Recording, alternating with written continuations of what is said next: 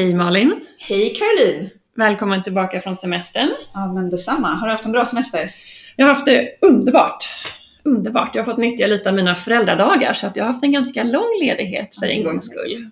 Du, eh, det här avsnittet eh, kommer vara lite speciellt för oss. Mm. För att det här är första gången som vi har en gäst med oss. Jajamensan. Det är premiär och vi, vi känner oss eh, väldigt hedrade att den här personen har tackat ja till att komma hit idag.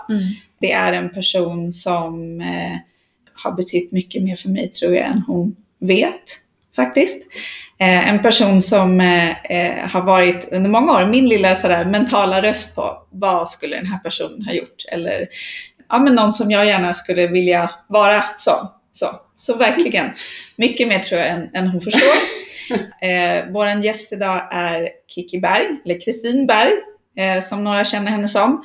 Hon har en bakgrund inom sälj och eh, produkt och olika chefspositioner eh, och sitter nu som VD på Fast 2. Välkommen till podden, Kiki. Mm. Gud, tack snälla och tack för introduktionen. Jag känner mig otroligt hedrad och glad över orden. Fantastiskt fina, tack så mycket. Ja, men eh, du är en person som jag träffade ganska tidigt i min karriär. Ja. Så att eh, du, gjorde, ja, men du gjorde verkligen ett starkt eh, intryck på mig, även om vi bara jobbade ihop väldigt, eh, väldigt kort tid innan du gick vidare. Hur Så, länge sedan var det? Eh, ja, när var det? 2008 till 2009 Ja. Ja, var det. Jag var där nio månader. Mm. och då jag jobbade som projektledare Mm. då eh, och du kom som sälj och marknadschef, tror Ja, precis. Mm. jag. Så, Mm. ja. Stämmer. eh, jag tänkte faktiskt att eh, jag ska göra en liten rånarprofil på dig. Mm, Okej. Eh, jag och Caroline, vi eh, eh, gjorde rånarprofiler på varandra i Mm. vårt första poddavsnitt. Precis. Eh, Vi delade våra förutfattade meningar och målade upp en profil av den andra. ja, Så precis. nu ska du få, få testa på det. Kristin. Ja, första gången. Ja, så får vi se vad Malin prickar in och inte prickar in. Ja, så jag ska dela mina förutfattade meningar om dig och jag ska försöka vara snäll. Eh, ja. Nej, men när jag tänker på dig och det, även om vi inte har haft jättetät kontakt så, så ja, men jag har följt dig på både Facebook och LinkedIn. så, eh, Bra kanaler. Så, så den, eh, de förutfattade meningarna som jag har om dig, som jag hoppas ändå är, är ganska korrekta, Ja. är eh, du är en väldigt eh, glad person, även i svåra situationer. Mm. Kärleksfull. Det, det är tydligt för mig att ehm, eh, du har en ganska stark kärlek, framförallt till dina barn, men även Mm. till eh, resten av din familj och, Ja. och dina vänner. Du har vänner som du har haft väldigt länge, i många år. Ja. Så. Jag eh, uppfattar dig som öppen för att alla människor är bra tills motsatsen är bevisad. Helt rätt. Det är på spiken. Det är verkligen så. Så snarare än att, att eh, kanske vara avvaktande så Mm. även om det betyder att du eh, eh, Även om det betyder att du skulle gå på en nitlott så väljer du hellre att, att tro bra om människor tills Ja. de har bevisat sig annorlunda. Absolut. Ehm, ödmjuk men väldigt eh, målfokuserad. eh, och när Caroline gjorde rånarprofilen på mig så eh, berättade hon för mig att hon eh, tyckte, hon kom att tänka på Gunde Svan när hon skulle Ja, göra ja, rånarprofilen för mig. Så då satt jag och funderade, ja men finns det någon som så här, ja men den här personen, påminner nog om den här liksom, kända perso- personen. Ja. Och den jag kommer att tänka på är faktiskt Annika Sörenstam. Där ser man. Ja, Häftigt. För Jag önskar att jag kunde bli lika bra på golf. Ja, eh, nu är det kanske inte golfen jag just tänkte på, utan snarare en, en person som jag uppfattar som ganska ödmjuk och Mm. kanske inte sådär basunerar ut sina framgångar, men ändå har gjort väldigt mycket bra. Mycket mer bra än vad folk egentligen kanske vet runt omkring. Kanske låter eh, resultaten och det andra säger berätta vad man är eller vem, vad man har åstadkommit snarare än att man själv skriver ut det. Så. Känner du igen dig i det? Ja, väldigt mycket. Och det, och det är ju, jag gillar ju inte att stå i centrum. Och jag gillar inte att prata om mig Det är själv. väldigt bra som VD att Ja, inte ja, vilja ja, stå i centrum. Det är väldigt eh, ovanligt. Jag har ju fått höra det där att ja, man kan inte bli VD om man inte är psykopat. Eller man måste vara en röd person om man ska vara VD för man ska Mhm. vilja stå i centrum. Men eh, det har aldrig varit min ambition. Utan det är ju snarare att liksom låta andra växa och organisationen och bygga det här dreamteamet. Mm. Inte att det ska handla om mig, för det handlar aldrig om, om bara mig. Nej. Utan det handlar liksom om, om alla Mm. och få ihop helheten, partnerskap, Mm. mycket. Det, och jag, som sagt, just det här, bara att reflektera som, som du säger, vad man har gjort eller vad man inte har gjort. Eller liksom basunera ut att men det här gjorde jag. För då, Nej. det är ju aldrig jag, utan det är alltid vi som Mm. har gjort det. Så därför så tycker jag att varför ska jag tala om vad jag har gjort? För det är Ja. vi som har gjort det. Men jag tänkte, det, jag tänkte på det även när jag läste din LinkedIn-profil. Så om man tittar först på själva CV-biten Ja. så är den ganska så här, ja men jag hade den här positionen och sen den här positionen. Men Mm. scrollar man ner till dina rekommendationer, då blir det så här, wow, Ja, åh, den här personen vill jag jobba med. ja. Jag måste bara ta ett exempel med den personen har skrivit så här. "But The best thing is that she leaves people feeling great about both the work they have ac- accomplished and themselves. ja Det är verkligen det som du eh, beskrev. Verkligen fint. Ja, ja men den är jag jätteglad över och det Mm. är Gaylene, en tjej som jag jobbade med som, hon var stationerad i Seattle. Mm. Men vi jobbade mycket tillsammans eh, med olika mässor och liksom budskap och få ut eh, retail signage från USA in på den, den nordiska marknaden. Mm. Och eh, väldigt speciellt att jobba med olika kulturer. Och Mm. också väldigt speciellt att jobba med en amerikansk kultur när man i grunden är svensk och som mig inte riktigt gillar att prata om mina, liksom, Nej. mina accomplishment utan låta andra prata. Så jag vet att jag var med på en sån här Inseed Blue Ocean Strategy-program som jag blev vald till och och få vara med. Liksom, de valde ut vissa personer från olika länder och så fick man åka till huvudkontoret och så fick man komma med i de här, liksom, utforska eh, nya områden, jobba med innovation, vart vart ska man ta vägen i nästa steg och sådär. Mm. Och det var första dagen som man kom dit. Jag kom dit väldigt jetlaggad och liksom flyger in i sista sekunden såklart. Liksom. Inte ska jobba där i tid och utan jag ska ju jobba och sen så ska jag komma dit och så ska jag jobba vidare och sen så ska jag åka hem. Eh, så jag kom dit ganska jetlaggad och trött och så kommer jag in i det här stora liksom, konferensrummet där alla de här människorna sitter och på höga positioner. Liksom, Worldwide Retail-teamet Mm. var där och eh, liksom, de högast, högsta cheferna inom den här organisationen som jag aldrig hade träffat och, och som sagt allting på, på engelska. Och så ska man gå upp på scenen och presentera sig. Liksom att ja, jag är utvald till det här programmet och, och det, hela liksom bakgrunden. Och, Och lite grann blåsa upp sig lite då. Liksom. väldigt mycket Ja. blåsa upp sig. Mm. Och liksom, amerikanerna är ju vana med det där. De går ju Mm. upp och ställer sig och pratar om att allt det här har jag gjort. Jag har en bachelor i det här. Liksom. Och så skulle lilla jag komma upp där. Det var, det var svårt, eh, men väldigt, väldigt eh, lärorikt. Och det var lite det som gjorde faktiskt att jag ville jobba i en amerikansk eh, liksom säljkultur en gång Mm. i mitt liv. För jag tänkte tidigt att jag kommer inte vilja jobba i en amerikansk säljkultur, för det är så ganska långt ifrån mig. Mm. Men sen Var det en förutfattad det var en mening? förutfattad Ja. mening. Och, för det var, var mycket annorlunda. Jag kunde påverka mycket mer än vad jag trodde. Eh, Mm. och man lyssnade mycket mer på mig än vad jag trodde att man skulle göra. Jag kunde förändra mycket, vilket var jätteroligt. Så det är Mm. väldigt lärorikt. Jag ångrar inte alls. Jag skulle gärna göra det igen. För att nu har jag förstått att det går. Mm. Men, och Gaylin var med på, på hela den här resan och vi lärde känna varandra och vi som sagt jobbade, det var jätteintressant att göra det första projektet Seattle Norden. Vi Ja. jobbade Seattle Finland. så det var så här, det projektet var så här 24-7 projekt för när jag gick och la mig, då gick ju de upp. Ja, just det. Så att vi, jobb, vi jobbade väldigt effektivt i, Ja. i det projektet. Men eh, jag tror också just där, så det som hon skriver där på min LinkedIn-profil, det är lite ovanligt i USA speciellt tror jag, Mm. liksom just sådär i säljorienterade kulturer att man Jag får man annars känna sig värdefull. Ja, men liksom. precis. Och det, Ja. jag har ofta tänkt så att mm, det spelar inte så mycket roll vad, vad jag säger, utan det är hur jag säger det. Hur Mm. jag får andra att känna när de möter mig. Man ska liksom må bra Mm. när man träffar mig. Det, det är ett motto jag har, liksom, att det ska kännas... Men Ja, vad är, vad är liksom i ditt sätt att bemöta folk tror jag att de upplever det så? Det här tycker jag är intressant. ja men jag tror att jag är faktiskt, eller jag är, eh, genuint nyfiken. Jag Mm. tycker att det är jätteroligt att lära känna människor och förstå var, var de kommer ifrån. Jag har hört en, en gång att jag ställer frågor med nerv. Ja.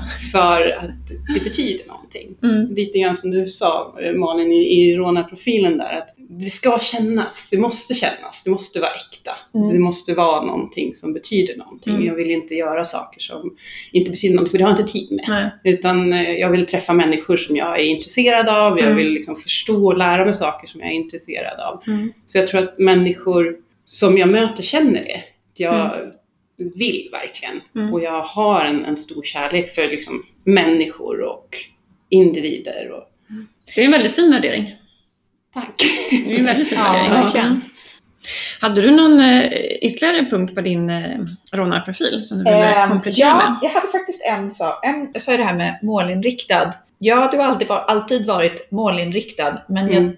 och jag vet inte om det hänger ihop med eh, att alltid, inte bara att vilja kanske leverera, men också att alltid vilja utvecklas. Ja. Så, jag vet att du läser väldigt mycket och, och, och ja, men tycker om att diskutera, höra eh, andra människors eh, erfarenheter och, och, och tankar. Mm. Och jag vet inte riktigt vad jag ska sätta, vad jag ska sätta fingret på, men det är någonting som säger att du också är så ständigt sökande. Ja. Och om man tänker på de gångerna som vi kanske har setts då genom året och åren, även om det bara har varit på en kort lunch eller något sånt där, så det känns som att du alltid har varit på väg, liksom på väg någonstans. En resa genom din karriär. Att, så, har det alltid varit så? Har du alltid haft liksom en känsla av att, så här, att du vill framåt eller, eller uppåt eller liksom Mm. sök dig till någonting? Ja, eh, både och. Jag har aldrig tänkt att jag vill uppåt. Eh, det har aldrig varit en ambition att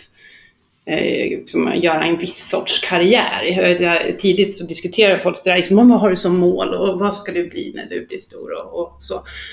Eh, och VD var ju aldrig ett, ett mål, var aldrig en eh, ambition. Eh, sälj var inte en ambition, säljchef var inte en ambition, liksom, produktchef var inte en ambition. Utan det är det att det har varit någonting som jag har blivit nyfiken på, kunnat lära, situationen har varit rätt. Ehm, så att jag är ju, det får aldrig vara still. Alltså, Mm. jag, jag vill vara, precis som du säger, i ständig rörelse. Jag tycker Mm. inte om om, om jag är, träffar någonting, alltså kommer i en situation där jag inte kan förändra, där jag inte kan utvecklas, där jag inte kan lära mig, då vill jag inte vara i den situationen. Då måste jag avsluta den situationen och gå vidare till någonting där jag har möjlighet att växa, utvecklas, lära mig tillsammans med den personen eller med den organisationen. Eh, annars är Men jag tänker du sa att det in, de här rollerna, för du radar Ja. egentligen upp roller, så det här Ja. har inte varit ambition. Nej, Vad har du haft som ambition då? lära. Att lära? Att lära, att Ja. utvecklas, att förändra. Ja. Så det är liksom Liksom. din definition av ambition? Ja. Ja. Ja. Mm. Nej, men det är intressant, för man Ja. definierar just ambition väldigt olika. Ja, det är liksom tar i roller, andra, vi pratade identitet för några avsnitt Ja. sedan. Ja, ja. Eh, ja, men liksom erfarenheter, lärdomar. Ja. ja, precis. Mm. Nej, men jag har absolut aldrig haft eh, en prestige i roll. Nej. Det, utan det är som sagt, det är inte karriären uppåt som är viktigt om man ska definiera karriär uppåt i och med Mm. att man haft roller på det sättet. Utan jag kan lika gärna utvecklas på bredden. Mm. Och jag kan liksom, det är inte absolut inte någon prestige i roll. Nej. Utan det är en vilja att lära och utvecklas. Mm. Förändra. Mm. Men nu, ehm, nu när du, eh, nu har du suttit som VD på, på Fast 2 i fyra någonting år, Mm. fyra, fem år någonting. Ja. Finns det någonting som du känner som, ja, nu när jag ändå har, har jobbat, haft ett, ett, ett, eh, ett bra arbetsliv bakom mig och Mm. har jobbat ganska länge, finns det någonting du vet nu som du önskar att du faktiskt hade koll på långt tidigare? Åh gud, vilken fråga. Ah, vad svårt. Jättemycket. Ja, det är verkligen, alltså den här informationen som man har till handa nu, hade man haft den innan, man hade gjort helt andra saker. Eh, Men så är det ju alltid. Man Mm. lär sig alltid saker och så får man ny information och så, så, "Ha, så där kanske jag inte borde ha gjort det, jag borde ha gjort på ett annat sätt. Men det där säger jag också ofta när vi, ja, men speciellt när jag anställer personer som kommer gå in i ledningsgruppen nu, så säger jag att nu, just nu så är din roll i ledningsgruppen. Men om ett år, ett, två år så kanske det inte är det. Utan liksom, så som vi är i en organisation i en sån tillväxt och, och förändring just nu så är ingenting statiskt. Och personer som jag anställer liksom, och ska jobba nära, de kan inte tänka att det är statiskt. De kan inte Nej. tänka att deras person är viktigare än organisationen och medarbetare eller deras roll. Utan ja, vi, vi flyttar och vi förändrar ut efter vart företaget är på väg. Mm. Så jag tänker, alltså det här med misslyckanden och lyckas och ja, som sagt information. Jag försöker hela tiden tänka att jag fattade det här beslutet med den informationen jag hade tillhanda då. Ja. Hade jag haft den informationen jag vet nu, då hade jag troligtvis agerat annorlunda. Men det kan jag inte gå och gräma mig för, för jag visste, inte då. Jag Nej. visste inte bättre. Mm. Mm. Vi pratade ju lite innan här, innan vi satte på micken. Ja. Ehm, och då, eh, för nu sitter du som sagt som- som VD. Mm. Och ehm, då sa du så här att det, du hade egentligen kanske inte hamnat här om det inte vore för att det var rätt företag och liksom att någon Nej. kanske såg dig och så här. Men vad, vad var det som gjorde att du hamnade där? Ja, det är en jättebra fråga och så- just också så här tillfälligheter. Eh, Jag kommer så väl ihåg, jag stod utanför eh, apoteket i, i Kista eh, tidigt på en morgon, jag kommer inte ihåg veckodag, men det var mm, en morgon. Så ringer den dåvarande vdn för Fastfood där jag är Mm. nu, eh, ringde och sa att eh, det, det är dags för mig att gå vidare. Mm. Jag vill göra det du gör nu, jag vill ut och, och resa och, och liksom se världen och jobba i en, en, ja, en, en annan or- sorts organisation. Och jag har gjort det här nu och byggt organisationen på det sättet som jag kan nu är det dags för någon annan att komma in. Någon som kan mer sälj och marknad. Och då tänkte jag på dig. Och jag sa, Oj, vilken ära! Mm. Vad glad jag blir. Eh, Men nej, jag ska inte bli VD. det var min första tanke. Ehm, men då sa han att men jag tänker lägga fram ditt CV med din som sagt, tillåtelse då, till styrelsen. Och så får du avgöra sen om de kan ta kontakt med dig om du vill träffa dem. Så, ja, men okej då. Gick hem och skrev CV och uppdaterade och tänkte väl inte så jättemycket på det. Och sen så eh, hörde ägarna till bolaget av sig. Eh, jag träffade dem för en lunch, tre, tre utav ägarna på en lunch. Och när de berättade om bolaget och berättade om sin vilja så var det så rätt. Det var liksom i deras ägardirektiv så har de närhet till kund, närhet till medarbetare. Mm. Och just det här att jag tänkte att, för jag hade ju som sagt varit försäljningschef och ja, högra handen till VD och sådär tidigare, men just det här att här fick jag möjlighet att bygga en egen organisation, ett eget liksom, dream team på det sättet som jag ville med ägare som har en väldigt human inställning till företagande. Det är inte vinst som, som räknas för dem på det sättet. Det är just det här liksom att vi ska vara mer än en arbetsplats. Det ska vara roligt att jobba hos oss. Ehm, liksom. Och just ja, ägardirektivet tänker jag alltid på. Närhet till kund, närhet till medarbetare. Och att vi hjälper dem som är hos kund. Liksom de här stabsfunktionerna, som min funktion, den är inte så viktig. Utan det är de som möter våra kunder, det är där det, det händer. Mm. Och det är de vi ska stötta. Och så tack nej. Ja. jag har inte ångrat mig, det är en Nej. jättehäftig resa. Ja. Men det är ganska tydligt att dina värderingar styr dina Mm. val ganska mycket. Ja. Så. Vad tror du dina, dina värderingar kommer ifrån? Alltså, vad, vad är det som gör att, att just de här sakerna, att eh, vara öppen för alla, att lyfta andra, att eh, spela schysst spel, att Mm. Ja, men, laget för jaget och, och de Mm. här sakerna. Vad är det som gör att, att du har just sådana typer av värderingar? Vad är det som har format dig liksom? Mm, återigen, jättebra fråga. Ehm, inte reflekterat över det eh, riktigt, men jag tror att eh, jag har haft eh, ynnesten att ha en, en bra barndom. Alltså bra föräldrar, en bra uppväxt. Jag är ju trygg eh, i mig själv. Har haft föräldrar som, som har stöttat mig också. Men sen är det nog också, jag tror verkligen att det är den här nyfikenheten och sen tror jag också att det var att jag fick ett, komma in och ut och resa tidigt Ehm, i min karriär så var jag tvungen att ta steget ifrån att vara den här blyga personen som jag faktiskt var och som jag fortfarande definierar mig själv ganska mycket som att jag är ganska blyg. Eh, Men jag var, åkte ut och utbildade eh, i retailbutiker, små retailbutiker. Så Mm. att jag var ute tre veckor, liksom reste Sverige runt och utbildade och var i de här butikerna måndag till torsdag. Och jag var tvungen att, att ta mycket plats. Jag var liksom utbildade och mötte väldigt mycket olika typer utav människor. Så att där, och då kände jag att oj vad givande det här var att inte liksom se sig själv som den här jätteblyga personen som eller gömma sig längst bak i klassrummet utan faktiskt stå där, lära och se de här liksom, kassörskorna lära sig ett helt nytt system och att Mm. jag var där och hjälpte dem med det.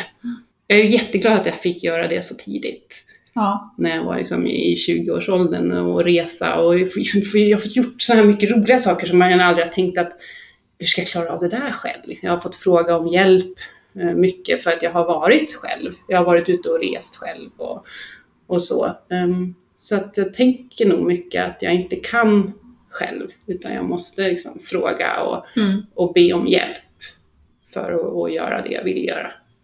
Det var nog inte riktigt svar på din fråga. Det tycker jag. Eh, ja, nej, jag har inte riktigt reflekterat över vad Var det kommer ifrån. Nej, var det kommer ifrån. Men jag tror Men det är nog många olika tillfälligheter som Mm. gör det. Ja, det är väl hela, hela livet Ja. egentligen. Men, men, men eh, jag, kan, eh, jag kan känna igen mig i liksom att barndomen på, på så sätt eh, eh, bidrar. Du, Mm. mycket, du och jag pratar Mm. Caroline om det här ja, men familjen Ja. och, och våran, våran eh, inte barndomen som sådan, men kanske hur våra familjekonstellationer har skilts en hel Mm. del och sådär. Mm. Men jag kan framförallt nu när jag har egna barn, Ja. så kan jag verkligen, jag tvingas eh, utmana mina egna värderingar och tankar på ett sätt därför att när man ska hjälpa någon annan att Mm. bli trygg i sig själv Ja. så inser man sättet jag pratar med, med mina barn på för att jag vill att de ska bli trygga individer. Mm. Det finns ganska många tillfällen där jag tänker, Oh, varför har jag inte pratat med mig själv på Mm. det här sättet? Precis. Så.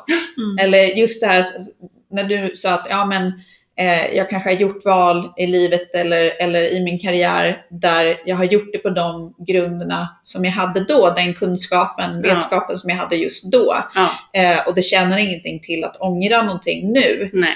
En sån, eh, en sån diskussion hade jag med min dotter häromdagen där hon hade ja, men varit i en situation där hon Mm. inte alls hade gjort någonting fel men hon hade Nej. kanske sagt någonting som hon Mm. önskar att hon inte hade sagt eller delat med sig av information hon inte hade önskat att hon hade delat Ja. med sig av. Ja.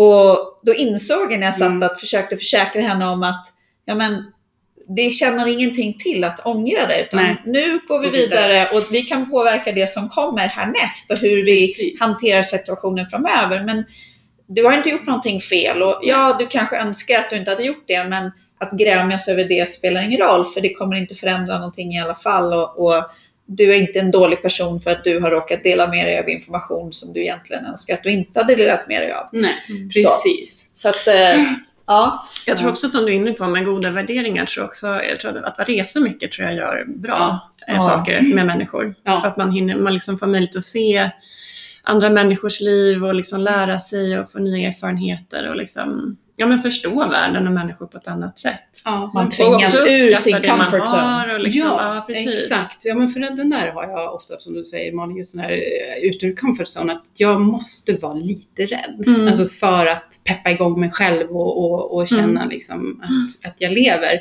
så, så måste man vara lite rädd, Mm. våga lite mer, känna sig lite grann ute på tunn is. Mm. Om det blir för bekvämt så blir jag lite blasé. Mm. Ja. Eh, ja, men jag kan, jag kan känna igen mig. Men sen också liksom, äh, på det här med, med värderingar och sånt som formar, formar en. Jag har ju haft en, en coach sedan 2006, Mm. eh, samma coach. Ehm, och det har ju hjälpt mig jättemycket i just de här situationerna när man liksom känner sig lite svag och lite, lite för rädd kanske. Så är det ganska skönt att kunna ringa någon som känner en ur liksom, professionella sättet Mm. som kan Hur går det till. Jo men eh, hon är helt eh, fantastisk. Eh, jag träffade henne utav en slump för att min dåvarande chef sa att jag skulle gå en, en kurs i presentationsteknik och retorik för Mm. kvinnor. Ja, för kvinnor? ja, för kvinnor. Nej. Ja, precis. Ja, Apropå det här gamla talesättet, liksom, att kvinnor måste bete sig på ett visst Åh sätt. Ja. Ja. Eh, Men det var inte så. Det, det, det, var, det var en väldigt, väldigt bra kurs. Och jag och eh, hon som hade kursen, som också är VD för det här utbildningsbolaget, vi fann varandra direkt. Så att det var aldrig det här Mm. att jag sökte en, en mentor eller coach, utan det var bara att det klickade direkt. Mm. Eh, och så hamnade jag i en ganska tuff situation eh, professionellt samtidigt där. Att, mm, ja, ska inte gå in på detaljer, men det var, det var tufft. Eh, och då hjälpte hon mig. Och det har hon också fortsatt och, och gjort eh, sedan dess. Liksom på, på alla möjliga sätt. Att jag kan ringa till henne och så kan jag berätta om situationen så kan hon liksom, men, men Kikki nu sitter du bak i bussen, liksom ta kommandot. Mm. Okej. Och liksom är din spegel lite grann. Ja men verkligen för att hon, hon känner mig så väl. Och hon, eh, som tvivlar jag så kan jag alltid ringa till henne Mm. och hon är oerhört klok. Har du något speciellt råd som hon brukar liksom upprepa som du bara Ja. just det här. Ja, eh, hon har eh, acceptera, förändra eller lämna. Och det har jag som Mm. ett eh, mantra att eh, Säg jag- igen, acceptera, acceptera, förändra eller lämna. förändra eller Mm. lämna. Om jag hamnar i situationer, kan jag acceptera den här situationen? Mm. Så får jag fundera igenom det. Är det här en situation som jag kan acceptera och, och vara i? Eh, om jag inte kan acceptera den, då måste jag försöka förändra den. Mm. Och så är jag i den situationen ett tag att jag försöker att förändra situationen så att jag kan acceptera den. Mm. Eh, och om jag sen har varit i att jag har, har försökt acceptera, jag har försökt förändra, jag lyckas inte, ja men då Mm. måste jag lämna situationen. Mm. Då kan jag inte göra någonting som, Mm. som gör att den kommer att fungera. Mm. Jag tänker när vi är inne lite grann på det. Har du haft Ja. någon situation där dina värderingar har gjort att till slut att du, du måste liksom, du har gått den här acceptera, förändra, och lämna. Har Mm. du någon sån liksom, som du skulle kunna beskriva? Ja. Många. Många? ja, många. Eh, nej, men jag har hamnat i, i situationer där man har sagt åt mig att eh, göra omorganisationer, att säga upp människor som jag inte har känt varit rätt. Mm. Um, det har varit eh, jättetufft eh, och mm, som, jag har varit tvungen att genomföra det. Men, ja, och jag har genomfört det, men jag har inte stannat kvar. Nej. För att då på något sätt, precis som du sa Malin, liksom att jag tror väldigt gott om organisationer och, och situationer tills dess att motsatsen är bevisad. Och om jag hamnar i situationer där jag måste gå emot mina värderingar, då vill jag inte vara kvar Mm. och då, då lämnar jag. Men jag genomför det som jag är tillsagd att göra Mm. eh, för att det är det som den här organisationen eller den här chefen väljer att, att göra och står fast vid. Mm. Men eh, är det inte enligt vad jag känner att jag sen kan stå för, och då lämnar jag. Så det har jag gjort. Mm. Det pratas ju, eh, eller tycker jag i alla fall, det kanske ni tycker, men, men eh, jag hör i alla fall ganska mycket om emotional intelligence. Mm. Så. Och det såg jag att någon hade nämnt också i en av rekommendationerna som eh, Ja. ja, någon har givit om ja, dig. Att du eh, leder väldigt mycket med just emotional intelligence. Mm. Så, vad betyder det för dig? Att leda med, eh, med emotional intelligence eller att, eh, vara, liksom, Mm. att vara bra på det? Ja, men bra fråga. Ehm, Jag tror att eh, jag försöker, ehm, som sagt, samarbeten, synergier som gör att, att saker och ting kan röra sig framåt i, i rätt riktning. Och det innebär ju att man försöker se individen och hur individen kan växa i organisationer. Jag hade en roll där jag var del av en nordisk organisation som sen var del av en europeisk eh, liksom, organisation som var del av en worldwide organisation. Eh, och där företaget hade sitt ursprung i hårdvara, ren hårdvara, alltså väldigt tekniskt, liksom, teknisk organisation som sen köpte en massa mjukvarubolag. Eh, Men man hade lite utmaningar med integrationen. Hur integrerar man det här liksom, typiska hårdvaruförsäljningen tillsammans med det värdeskapande försäljning med mjukvara. Och så hade man också organisationen så där, du jobbar med hårdvara, du jobbar med mjukvara. Och då var det ju direkt slitningar i att, jaha, tillhör jag det gamla, kan inte jag få komma in i det nya och, och Mm. växa och förändra och lära mig mera? Så jag tog på mig rollen i den rollen som jag hade då att faktiskt integrera mitt team tillsammans med liksom, det europeiska teamet och det worldwide-teamet så att de fick åka ut och, och jobba ihop med de här teamen och också få in liksom, mjukvaruförsäljningen in i mitt hårdvaruteam. Mm. Och det fick ju dem att växa väldigt mycket och, och oss som, som nordisk del i den här worldwide-organisationen växte ju väldigt mycket. Helt plötsligt så ville liksom Spanien ha de personerna som jag hade i mitt team för de hade ju lärt sig, mitt team hade ju lärt sig saker utav worldwide som inte det spanska teamet hade gjort. Och det att se den här, det, det för mig är på något sätt är, är emotionell intelligens. Att se hur kan jag lyfta människor, hur kan de komma till rätt roll, hur kan de utvecklas så att organisationen utvecklas tillsammans. Ja, men se de här mjuka sidorna Ja. som gör att faktiskt att affären också påverkas i positiv riktning. Precis, och inte bara liksom Nej. tänka statiskt Nej. eller tänka att du gör Mm. det här Mm. och du gör det. Det går Mm. inte att kombinera. Det går ofta att kombinera. Det ovanliga, eller det, det som man inte tänker, det är ofta det som går att kombinera och blir väldigt bra när det slås ihop. Ja, men precis. Jag tänker, när man tittar på din, liksom, din resa som du berättar nu så ser den ju väldigt liksom, fläckfri ut och det, liksom, det går väldigt bra och, liksom, och så som det ofta gör när man liksom Nej, vi säger när att det ser alltid bra ut i backspegeln. Ja, exakt. När man tittar i backspegeln så ser det fantastiskt ut men när man Ja. väl står där så är det absolut ingen röd linje. Nej. Men jag tänker, det- och det är liksom väldigt tydligt att dina starka värderingar har styrt ditt ledarskap och det är också det som har uppskattats hos dig som, som person. Mm. Men vilka är, liksom, har, har du några sådana situationer i livet och saker inte har gått som du har tänkt dig och som har påverkat dig? Alltså en, en tuff situation, någon motgång eller det har hänt någonting som har varit jobbigt? Som har liksom styrt Ja. om dina värderingar eller kanske stärkt dem eller försvagat dem eller?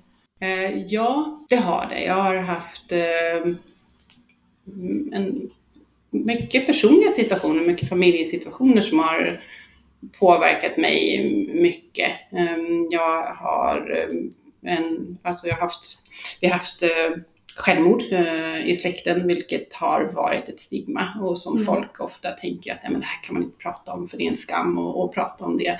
Medan för mig så var det väldigt tidigt att nej, det är inte en skam. Mm. Utan det här är någonting som händer väldigt, väldigt många människor och det här ska vi prata om. Mm. Eh, för att ta bort stigmat och för att folk inte ska ha förutfattade meningar och Mm. vi kommer stärkta ur det här. Vi lär oss någonting. Det är någonting som, som jag lärde mig av väldigt mycket utav att jag, jag skulle önska att det aldrig hade hänt såklart. Men nu har det hänt eh, och då måste jag lära mig och, och ta vid det och det har gett mig en mycket, alltså ett, ett sätt att se på, på andra människor och andras människors beteende på ett annat sätt. För jag vet aldrig var den här personen kommer ifrån. Mm. Den kommer ifrån någonting, den har ett bagage, den säger den här saken av en anledning. Vad det är, det vet inte jag, så jag kan inte döma. Ehm, mycket så. eh, att det har varit liksom tuffa, tuffa situationer privat och personligt som Mm. har gjort att jag har tänkt att ja, jag kan, jag kan inte döma. Så att jag har blivit mycket mer inkluderande och förstående på det sättet för att vi har haft mycket tuffa situationer. Mm. Jag måste bara säga, för det första, så jag uppskattar att du delar med dig. Jag minns när det hände. Ja, Eh, för du och jag skulle egentligen träffats Mm. den ja morgonen. gud ja, just det.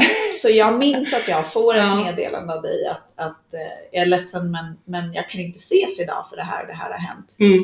Och jag var väldigt imponerad efteråt när vi sen sågs av, för det första så kanske som du, ja det här att tänka på andra. Mm. Så det var nästan som du hade liksom en lista i huvudet på så här, är den här personen okej? Hur mår den här personen? Va?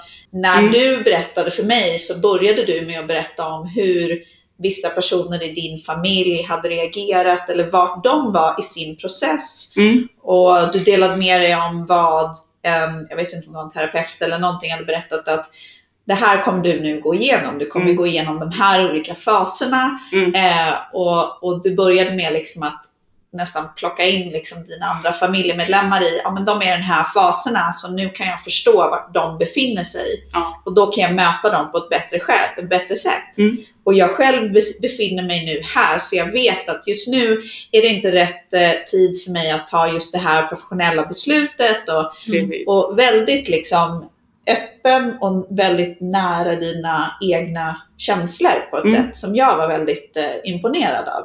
Mm. Var du medveten om dig själv, att du var liksom så pass ändå, eller att du valde en sån strategi? Gud vad jag önskar att jag kunde säga ja.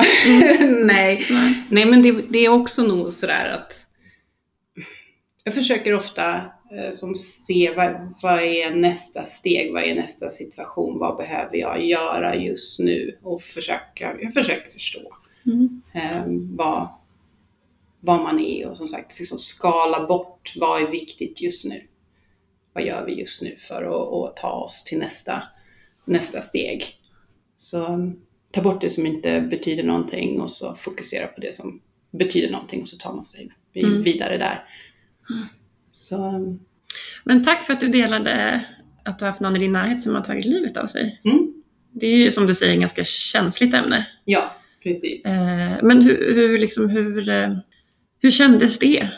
Vad hände? Ja. Ja, en, nej men alltså först så blir det ju väldigt ja, men chockartat eh, kring att ja, men, hur kunde det här hända? Hur kunde vi inte se det? Och vad, varför förstod vi inte?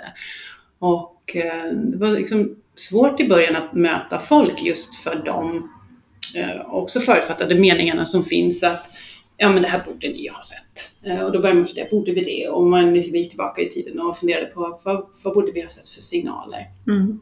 Eh, och jag läste på också väldigt mycket kring det. Jag skaffade väldigt mycket böcker Mm. kring liksom, men vad, innebär det här? Jag sökte väldigt mycket information. Jag ringde läkare och, och försökte liksom förstå, fanns det några tecken och, och, och sådär, hur går man vidare? Eh, så att, det var väl det, det liksom hitta mycket information för att försöka förstå vad, vad vi var, eh, vad, vad som kunde förändras och, hur, hur man skulle tänka framåt. Eh, och sen just det här att våga vara För det du öppen. beskriver där är ju lite liksom, hade jag någon skuld eller liksom, Mm. hade jag kunnat göra Precis, lite för att självmord blir ju ofta skuldbelagd liksom, Ja. mot den, den närmsta familjen. Att det blir så här, oh, det måste finnas någon, någon, någon svår liksom, hemlighet eller tragedi eller någonting. Men det är ju som liksom, en psykisk hjärtattack. Istället för fysisk så är det en psykisk hjärtattack som, som drabbar individerna och någonting som inte individen själv kan påverka för att man är inne i en djup depression. Mm. Eh, Så att det är just det här, jag tror att återigen att det var jätteviktigt att man inte dömer varken personen, eh, för att man, man väljer inte att ta sitt liv, och inte den närmsta släkten eh, eller vänner, utan att man bemöter de människorna liksom, intresserat och icke-dömande. Mm. Eh, Jag vet, jag, första gången som jag liksom var ute och i, i omgivningen, om man säger, i, i den orten som, som vi bor i, så fick jag liksom en, en kommentar på, utav en person som jag mötte på stan att ja, men hur blir det med begravningen? För man får väl inte begravas på kyrkogården om man har tagit livet av sig? Alltså, herregud, lever vi liksom på 2000-talet och Ja. folk ställer en sån fråga, att man Mm. inte får begravas på kyrkogård ifall man har tagit livet av sig. Då är det som att herregud vad vi måste prata om det här Ja. och vad folk måste få information. Mm.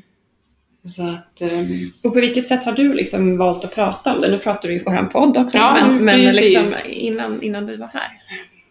nej men jag pratade väldigt öppet om det med, med vänner och familj tidigt. Vad jag Mm. kände, vad jag tänkte, vad, hur jag reflekterade. Ehm, och eh, om folk säger någonting liksom kring självmord så bemöter jag det ofta. Mm. Ehm, Det, liksom, man kan använda ganska hårda uttryck till folk som, om folk som har tagit liv sig- av sig och då Mm. kommenterar jag ofta, jag låter inte det gå osagt. Det. Att det är inte okej för att fundera så här istället. Mm. Så att jag försöker få folk att reflektera och, och föra en diskussion Mm. kring självmord. Mm. Vågar folk fråga? Alltså jag tänker folk i din närhet eh, som kanske inte var i, i liksom den närmaste familjen så, Mm. som, som visste vad som ha- hade hänt. Mm. De som kanske inte fick informationen bara för att de råkar vara närstående, utan, Ja. men andra i din närhet, vågade folk fråga? Det var väldigt många som undvek totalt, alltså som tittade ner, bytte trottoar, Mm. kant eh, när man möttes. Och det, och det skulle jag väl också vilja skicka med, att liksom, vet man inte vad man ska, ska säga så är det bättre att säga det. Jag vet faktiskt inte vad jag ska säga till dig just nu i den här Nej. situationen, än att inte säga någonting eller undvika, Ja. för det gör vansinnigt ont Mm. när någon bara undviker en eller liksom inte ens kommenterar det som hänt, för man vet ju att de vet. Mm. Så att våga säga att man inte vet vad man ska säga. Mm. Ja. Det, Och hur påverkade den här situationen dig? Jag tänker dels privat men sen också jobbmässigt, de två delarna. Mm. Jag, eh, i, I det här skiftet eh, så bytte jag faktiskt roll. Eh, För jag hade, när det här hände så hade jag en roll med personalansvar, Mm. medarbetaransvar jag- och jag ansvarade för en grupp individer. Eh, Men när det här hände så fick jag samtidigt erbjudande att inte vara ansvarig för andra utan istället liksom ha en europeisk konsultroll. Och då tänkte jag att det är bättre att jag fokuserar på familjen nu, eh, privat och professionellt så fokuserar jag bara på mig själv och inte en grupp individer Mm. där också för jag klarade inte av båda. Nej. Att ska jag liksom klara av att professionellt leda en grupp samtidigt som jag ska försöka ta hand om, om familjen här. Så där fick familjen ta, Mm. ta överhand för hand, eh, få förtur i, i, min, eh, i mitt tid och engagemang. Att det var liksom, jag kunde inte fokusera på, på medarbetare samtidigt som Mm. familjen. Så jag fick bara Det låter ju väldigt, det låter ju, eh, det låter extremt liksom pedagogiskt och sjukt starkt att kunna ta ett sånt beslut. Mm, Ehm, och liksom veta så här, ja men jag, just nu så är inte det bästa för mig att leda andra människor, utan nu finns det andra saker. Mm. Hur var det att ta det beslutet? det var ganska självklart när jag var uppe i det. Ja. Ehm, För det blir liksom, man tänker ju sådär, man, man får inte mer än vad man klarar av på något sätt. Men det gäller ju att man skaffar sig den situationen själv också. Att man klarar av situationen. Och jag, var, jag kunde inte inte klara av situationen med familjen. ja. Den var liksom prio ett. Och då får det andra stiga åt Mm. sidan. känns som att du har väldigt god självkännedom då. Också i och med att du berättar om dina drivkrafter och dina värderingar. Se andra människor och få dem att utvecklas. Då lägger man mycket Mm. energi på det. Och då Ja. ta bort det lite grann för en stund. Ja. Ja men absolut. Och vad, vad liksom, förändrades du själv liksom, efter den här erfarenheten? Oh ja. Ja. Ja, men det var just när jag hade fått beskedet så, så, så satt jag i en bil och, och skulle åka hem. Och så tänkte jag liksom konstigt att världen bara fortsätter. Allt det här har hänt. Men liksom, alla är så omedvetna om det och bara bilarna fortsätter köra och liksom livet fortsätter bara. Och så har det här hänt. Livet borde bara stanna. Allt borde stanna. Jorden borde stanna. Och att liksom inse det, att det här hände oss och allting annat rullar på. Ehm, och det var, det var ännu starkare i att jag kan inte liksom påverka saker och ting för det kommer att hända. Att jag måste bara liksom, händer förändring så måste jag förstå den förändringen och liksom lära mig leva med den förändringen. Jag kan inte förhindra förändring Mm. utan det är liksom konstant och ständigt och det gäller att hantera den situationen som uppkommer. Att ingenting är liksom för alltid. Mm. Gud, det är svårt alltså. Det är Ja. jättesvårt. Men, Mm. men så att man på något sätt så här vet att ja, Mm. och jag vet att jag tänkte, och just där och då så tänkte jag att det värsta har hänt. Nu Mm. går det bara, liksom, Mm. ska vi bara ta oss vidare från, från det här. Mm. En annan eh, eh, händelse som, som, eh, em, som du och jag inte har pratat så mycket om, men som jag, Ja, om du orkar dela med dig så skulle jag gärna eh, dela med mig till, till, eh, till lyssnarna om att eh, under din tid som VD här så har det inte varit kanske en helt vad ska man säga, smärtfri väg framåt, utan det hände någonting en tid in till VD-resan Mm. eh, som jag stod på, på, på utsidan och, betraktade om man säger så. Men Ja. jag förstod att du eh, blev sjuk och ganska allvarligt eh, sjuk så att du var borta en tid så. Mm. Eh, jag som reflekterade och stod på utsidan såg ju att det fanns många som eh, slöt upp eh, runt omkring dig och Mm. även när du, när du sen kom tillbaka så, Eh, så verkade du i alla fall väldigt tacksam för det stöd du hade fått och så. Kan du inte berätta lite kring hur det har varit att vara VD för ett eh, bolag och gå igenom en sjukdomsperiod och komma tillbaka? Hur, hur Mm. funkar det? Vad betyder det? Vad händer? Och hur har resan sett ut för dig? Absolut. Det var ju inte, hade någon sagt det till mig tidigare att man kunde vara sjuk och vara VD så hade jag knappt trott på det. så kan jag säga. Men det var ju, det började, det blev liksom en, en gradvis eh, försämring i min, min hälsa som inte jag tänkte på först. Eh, utan man ruschar ju på och, och jobbar på. Så att jag eh, liksom blev gradvis sjukare under en, en sex månaders eh, period som sen resulterade i att jag hamnade akut, blev akut inlagd ehm, på sjukhus våren 2018. Ehm, och eh, till att börja med som sagt så jag tänkte inte på att jag var sjuk utan jag kände bara jag är lite trött, eh, jag jobbar på, det här är ingen fara. Och när jag sen fick samtalet liksom från Danderyd att nu, du kommer in akut, liksom, vi lägger in dig ikväll. Då var jag så, jaha, oj, vad, vad händer nu? Mm. liksom. eh, och eh, jag ringde Vad hann du känna då? Hann du liksom känna någonting? Nej men då blev jag rädd. Rädd, Eh, ja. För då tänkte jag att oj vad jag har inte känt efter Mm. eh, på kroppen vad den har försökt säga till mig ganska länge. Och jag satt med min ledningsgrupp då Mm. När jag fick samtalet ifrån min läkare. Liksom, att, för jag, och jag var nere i Göteborg och de liksom, du får inte flyga utan du måste sätta dig på, på tåg. Och eh, medlemmar i min ledningsgrupp sa vi sätter oss med dig på tåget. Mm. Ja, det- bara det har varit gjort. Mm. jag blev jätterörd och de "Ing- du släpper det här, vi tar det här. Liksom. Och jag, jag åkte in, blev inlagd, fick en väska ehm, med lite privata saker ehm, till sjukhuset. Vägrade förstå till en början, eh, fortsatte jobba, var med på, på möten. Och, Från och, sjukhuset Från sjukhuset. Ja. Eh, ägarna till bolaget ringde och liksom, men kliv av, ta det lugnt, liksom, fokusera på dig själv och, och din hälsa. Eh, och samma sak gjorde ju eh, ledningsgruppsmedlemmarna också. Men jag, jag var så uppe i, i det jag gjorde att jag inte tänkte utan körde på. Men det var inte så att du kände en rädsla för att nej, om jag kliver av nu så kommer jag bli ersatt och sånt? Nej, aldrig. Nej, det var liksom ingen Ald- rädsla, nej. var mer... Det var, nej, det var bara inte en, jag hade inte en insikt Nej. i hur dåligt jag mådde, Mm. hur sjuk jag var. När kom den insikten? Eller var, var det någonting speciellt som gjorde att du landade i det till slut? Ja, jag fick, eh, alltså första perioden utav min sjukhusvistelse var bara en, en kamp för att komma därifrån. En kamp för att komma hem, en kamp för att få fortsätta eh, liksom, Mm. jobba eh, och fortsätta, fortsätta livet. Jag vill inte vara inne på det där sjukhuset, jag var inte sjuk. Ehm, så att eh, första liksom, perioden utav åtta dagar så skulle jag bara därifrån, hem och kurera mig själv. så, och, sen, eh, och så fick jag komma hem. Ehm, och fick vara hemma i en vecka och sen fick jag komma tillbaka och akut inlagd igen. Och då, och då landade jag och då kände jag att okej, det här går inte. Nu är det Mm. bara att stänga av, vila, sova och liksom låta kroppen få börja läka. Mm. Du verkar förvånad över hur folk reagerade runt omkring, att de slöt upp och sådär. Ja, Jag vet inte. Man är alltid så oerhört tacksam för det. Mm. Jättetacksam när folk eh, sluter upp och, och eh, bryr sig om men det är aldrig någonting som man kan ta för givet. Nej. Utan eh, det blir alltid, det gör mig alltid jätte, jätteglad och när det blir så. Eh, Mm. Jag blir glad när jag får sms eh, liksom, från folk som jag inte tror har tänkt på mig på ett tag så får jag ett sms och blir jag jätteglad. så att, nej, jag är väldigt tacksam för om folk bryr sig och, och bryr sig om. Det är ingenting jag någonsin tar för givet.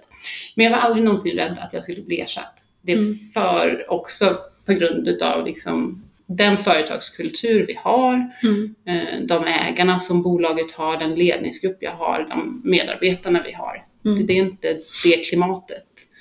Eh, Jag hade själv klivit av om jag hade känt att jag sen inte kunde komma tillbaka. Men eh, i och med att de klev in och, och liksom tog min roll under tiden Var det ledningsgruppen som stöttade upp? Eller? Ja, ledningsgruppen stöttade upp på ett fantastiskt sätt. Eh, verkligen kom till sjukhuset och, och pratade och liksom, jag fick vara med på de mötena jag ville och sådär. Men också det här sköna i att bara känna att jag kunde bara släppa till dem. Mm. De fanns Jag tycker det är fantastiskt att höra, för man har ju också hört liksom motsatta historier. Där kvinnor går på föräldraledighet Mm. och liksom det är ganska mycket politik som gör att man spelas ut när man kommer tillbaka. Och Mm. Sådana eh, historier. Så det Precis. är väldigt kul att få höra en som inte är sådan och Ja. att också det gör att folk vill jobba där. Ja. Att den typen av värdering på ett företag gör att folk dras dit. Mm.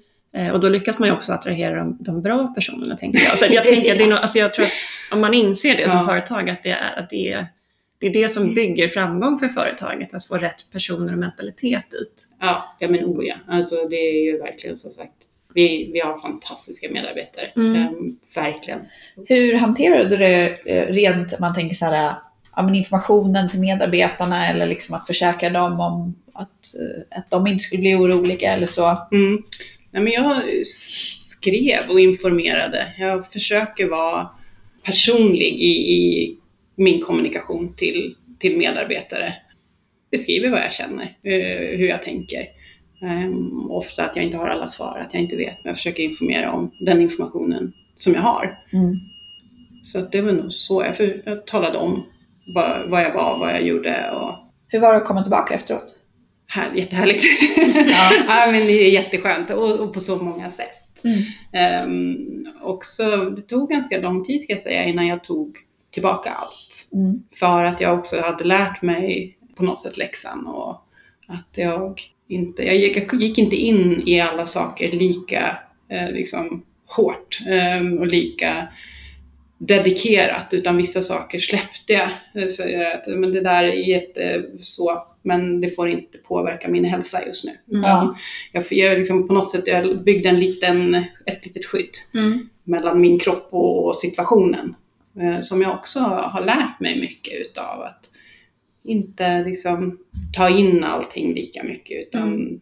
det liksom ännu mer, eller ha ett helikopterperspektiv på, på Mm. situationen. Att vad, vad händer i den här situationen? Kan vi ta ett steg tillbaka och, och reflektera och sen gå in i den eller måste den lösas på en gång? Och det här var nog ganska frustrerande för människor i början. Att jag inte gick in i alla situationer så hårt som jag hade gjort tidigare och jag var inte på alla bollar på samma sätt som jag var och folk tyckte att jag hade fått distans. Mm. Eller att jag var distanserad. Men det var liksom ett skydd för mig själv, att skydda mig själv Mm. och min kropp och min hälsa från situationerna vi var i. Mm. Har du lyckats behålla det skyddet? Ganska grann. Det låter mycket. som att det är förnuftigt. Det är Ja. många som pratar om att man egentligen kanske borde vara lite mer, att man inte Ja. Ger allt sitt engagemang i allting för att det, man orkar Precis. inte riktigt. Nej, jag springer inte på alla bollar längre. Mm. Det gör jag inte. Utan vissa saker, det här är jätte, jätteviktigt men vi tar det sen. Mm. Det, Jag upplever dig som väldigt nära dina känslor och, och, och öppen med dem. Som jag sa, n- ja, när, när trage- tragedier har, har inträffat eller, eller svåra tider i ditt liv eller, eller, eller bara svåra, svåra dagliga beslut. Så, Ja. så, ja, men att du är ganska nära, så, men hur känner jag kring det här och det här med kan jag förändra eller acceptera eller så. Hur ska, Mm. jag, eh, hur ska jag göra? Eh, hur upplever du att det är att, att vara men, känslosam som kvinna när man är i en ledande befattning? mm, ja, att jag inte riktigt eh, bryr mig. Jag, jag gillar inte det här gamla att man liksom måste vara på ett speciellt sätt och man måste ha alla svar och man förväntas vara på ett visst sätt för att man är i en, en eh, vederroll. Utan jag är som jag är, jag försöker vara, eller jag är eh, prestigelös. Eh, jag eh, söker liksom, som sagt ett, en, en samsyn och en förståelse för det vi gör. Jag vill gärna resonera logiskt kring saker så att man förstår. Eh, mitt mål är inte att liksom vinna en, en situation eller vinna en diskussion utan att vi ska förstå varandra. Som sagt, söka samsyn är det viktiga. Och för att söka samsyn så måste man förklara var man kommer ifrån och vad man vill och vad man Hur vill man känner, uppnå, ja. hur man Ja. känner och varför man känner så. Och jag tänker att folk får köpa det. för det är så jag är. Eh, och tänker agera. Och om inte det fungerar i en organisation eller en situation, då är inte den organisationen situationen rätt för mig. Så Bra svar, måste jag säga. Den här eh, podden heter ju Framgångsrik eller framgångslik. Mm. Hur skulle du definiera framgång? Vad är det? Ja, vad är framgång? Rörelse, eh, lärande, eh, glädje, se andra utvecklas och liksom eh, men också att, att man kan göra det oväntade, att man kan eh, förändra, man kan hitta ett partnerskap som ingen annan trodde skulle någonsin kunna funka och få det att funka. Det är, är framgång. Att få andra att att lyckas känna sig stolta. Mm. Jag älskar när man får kommentarer liksom att "Nej, men det där kan inte jag göra och så gör personen det och så växer den jättemycket och så har den liksom hamnat i en mycket bättre position, en mycket bättre situation själv. Men eh, för att avrunda lite så, du är ju vår första Ja. gäst. Ja. Så, Mm. finns det någon som du gärna skulle vilja eh, lyssna på i vår podd framöver? Ja, ehm, jag tänker nog snarare att det kanske finns någon som jag skulle vilja att andra får lyssna på. Inte som jag kanske, alltså för jag har redan ynnesten att ha den här personen i, i mitt liv. Mm. Men det är min coach, eh, Ann Ah. eh, Näppare. Eh, hon är VD för ett utbildningsbolag som heter Cognosis. Och jag tänker att hon har utbildat, utvecklat, coachat ledare i så många år eh, som egen företagare. Otroligt klok människa ja, som jag tycker att folk borde få lyssna på. Helt enkelt för hennes, hon, hon kan extremt mycket om, om eh, ledarskap och svenska organisationer och ledande positioner i de organisationerna. Och liksom, hon har hört och sett mycket genom sina år. Så att henne tycker jag att ni ska ha i podden. Tack Bra. för tipset. Tack för tipset. Ja, Mm. verkligen. Men du, eh, vilket eh, grymt avsnitt. Verkligen. Är det någonting som du vill lägga till, eller som du känner att men det här hade jag velat berätta? Oj! Eh, nej, men Nu när vi var här, liksom. Precis, nej, men jag tycker vi har pratat om, om mycket. Det som jag ja, kanske vi skulle skicka med extra tydligt det är den här acceptera, förändra och lämna. Mm. Att man inte tänker att det är andra som är ansvariga för en situation eller det är chefen som borde eller den borde eller någon borde utan fundera på vad du själv kan göra, vad du själv kan acceptera, vad du själv kan förändra och fungerar inte så är det ditt ansvar att lämna, Mm. ingen annans. Det Gud, vilka fina avslutsord tycker jag. det, får, bli- det får bli eh, tipset till lyssnarna som vi Ja, skickar med. Mm. Acceptera, förändra eller lämna. Ja. Det är ditt ansvar, Ja. ingen annans. Nej. Verkligen ett jätte, jättestort och varmt tack för att du var med Tack. Kristina. Ja, Kristin. Berg. Ja. Kristin Berg. Ja, tack så mycket. Tack, tack.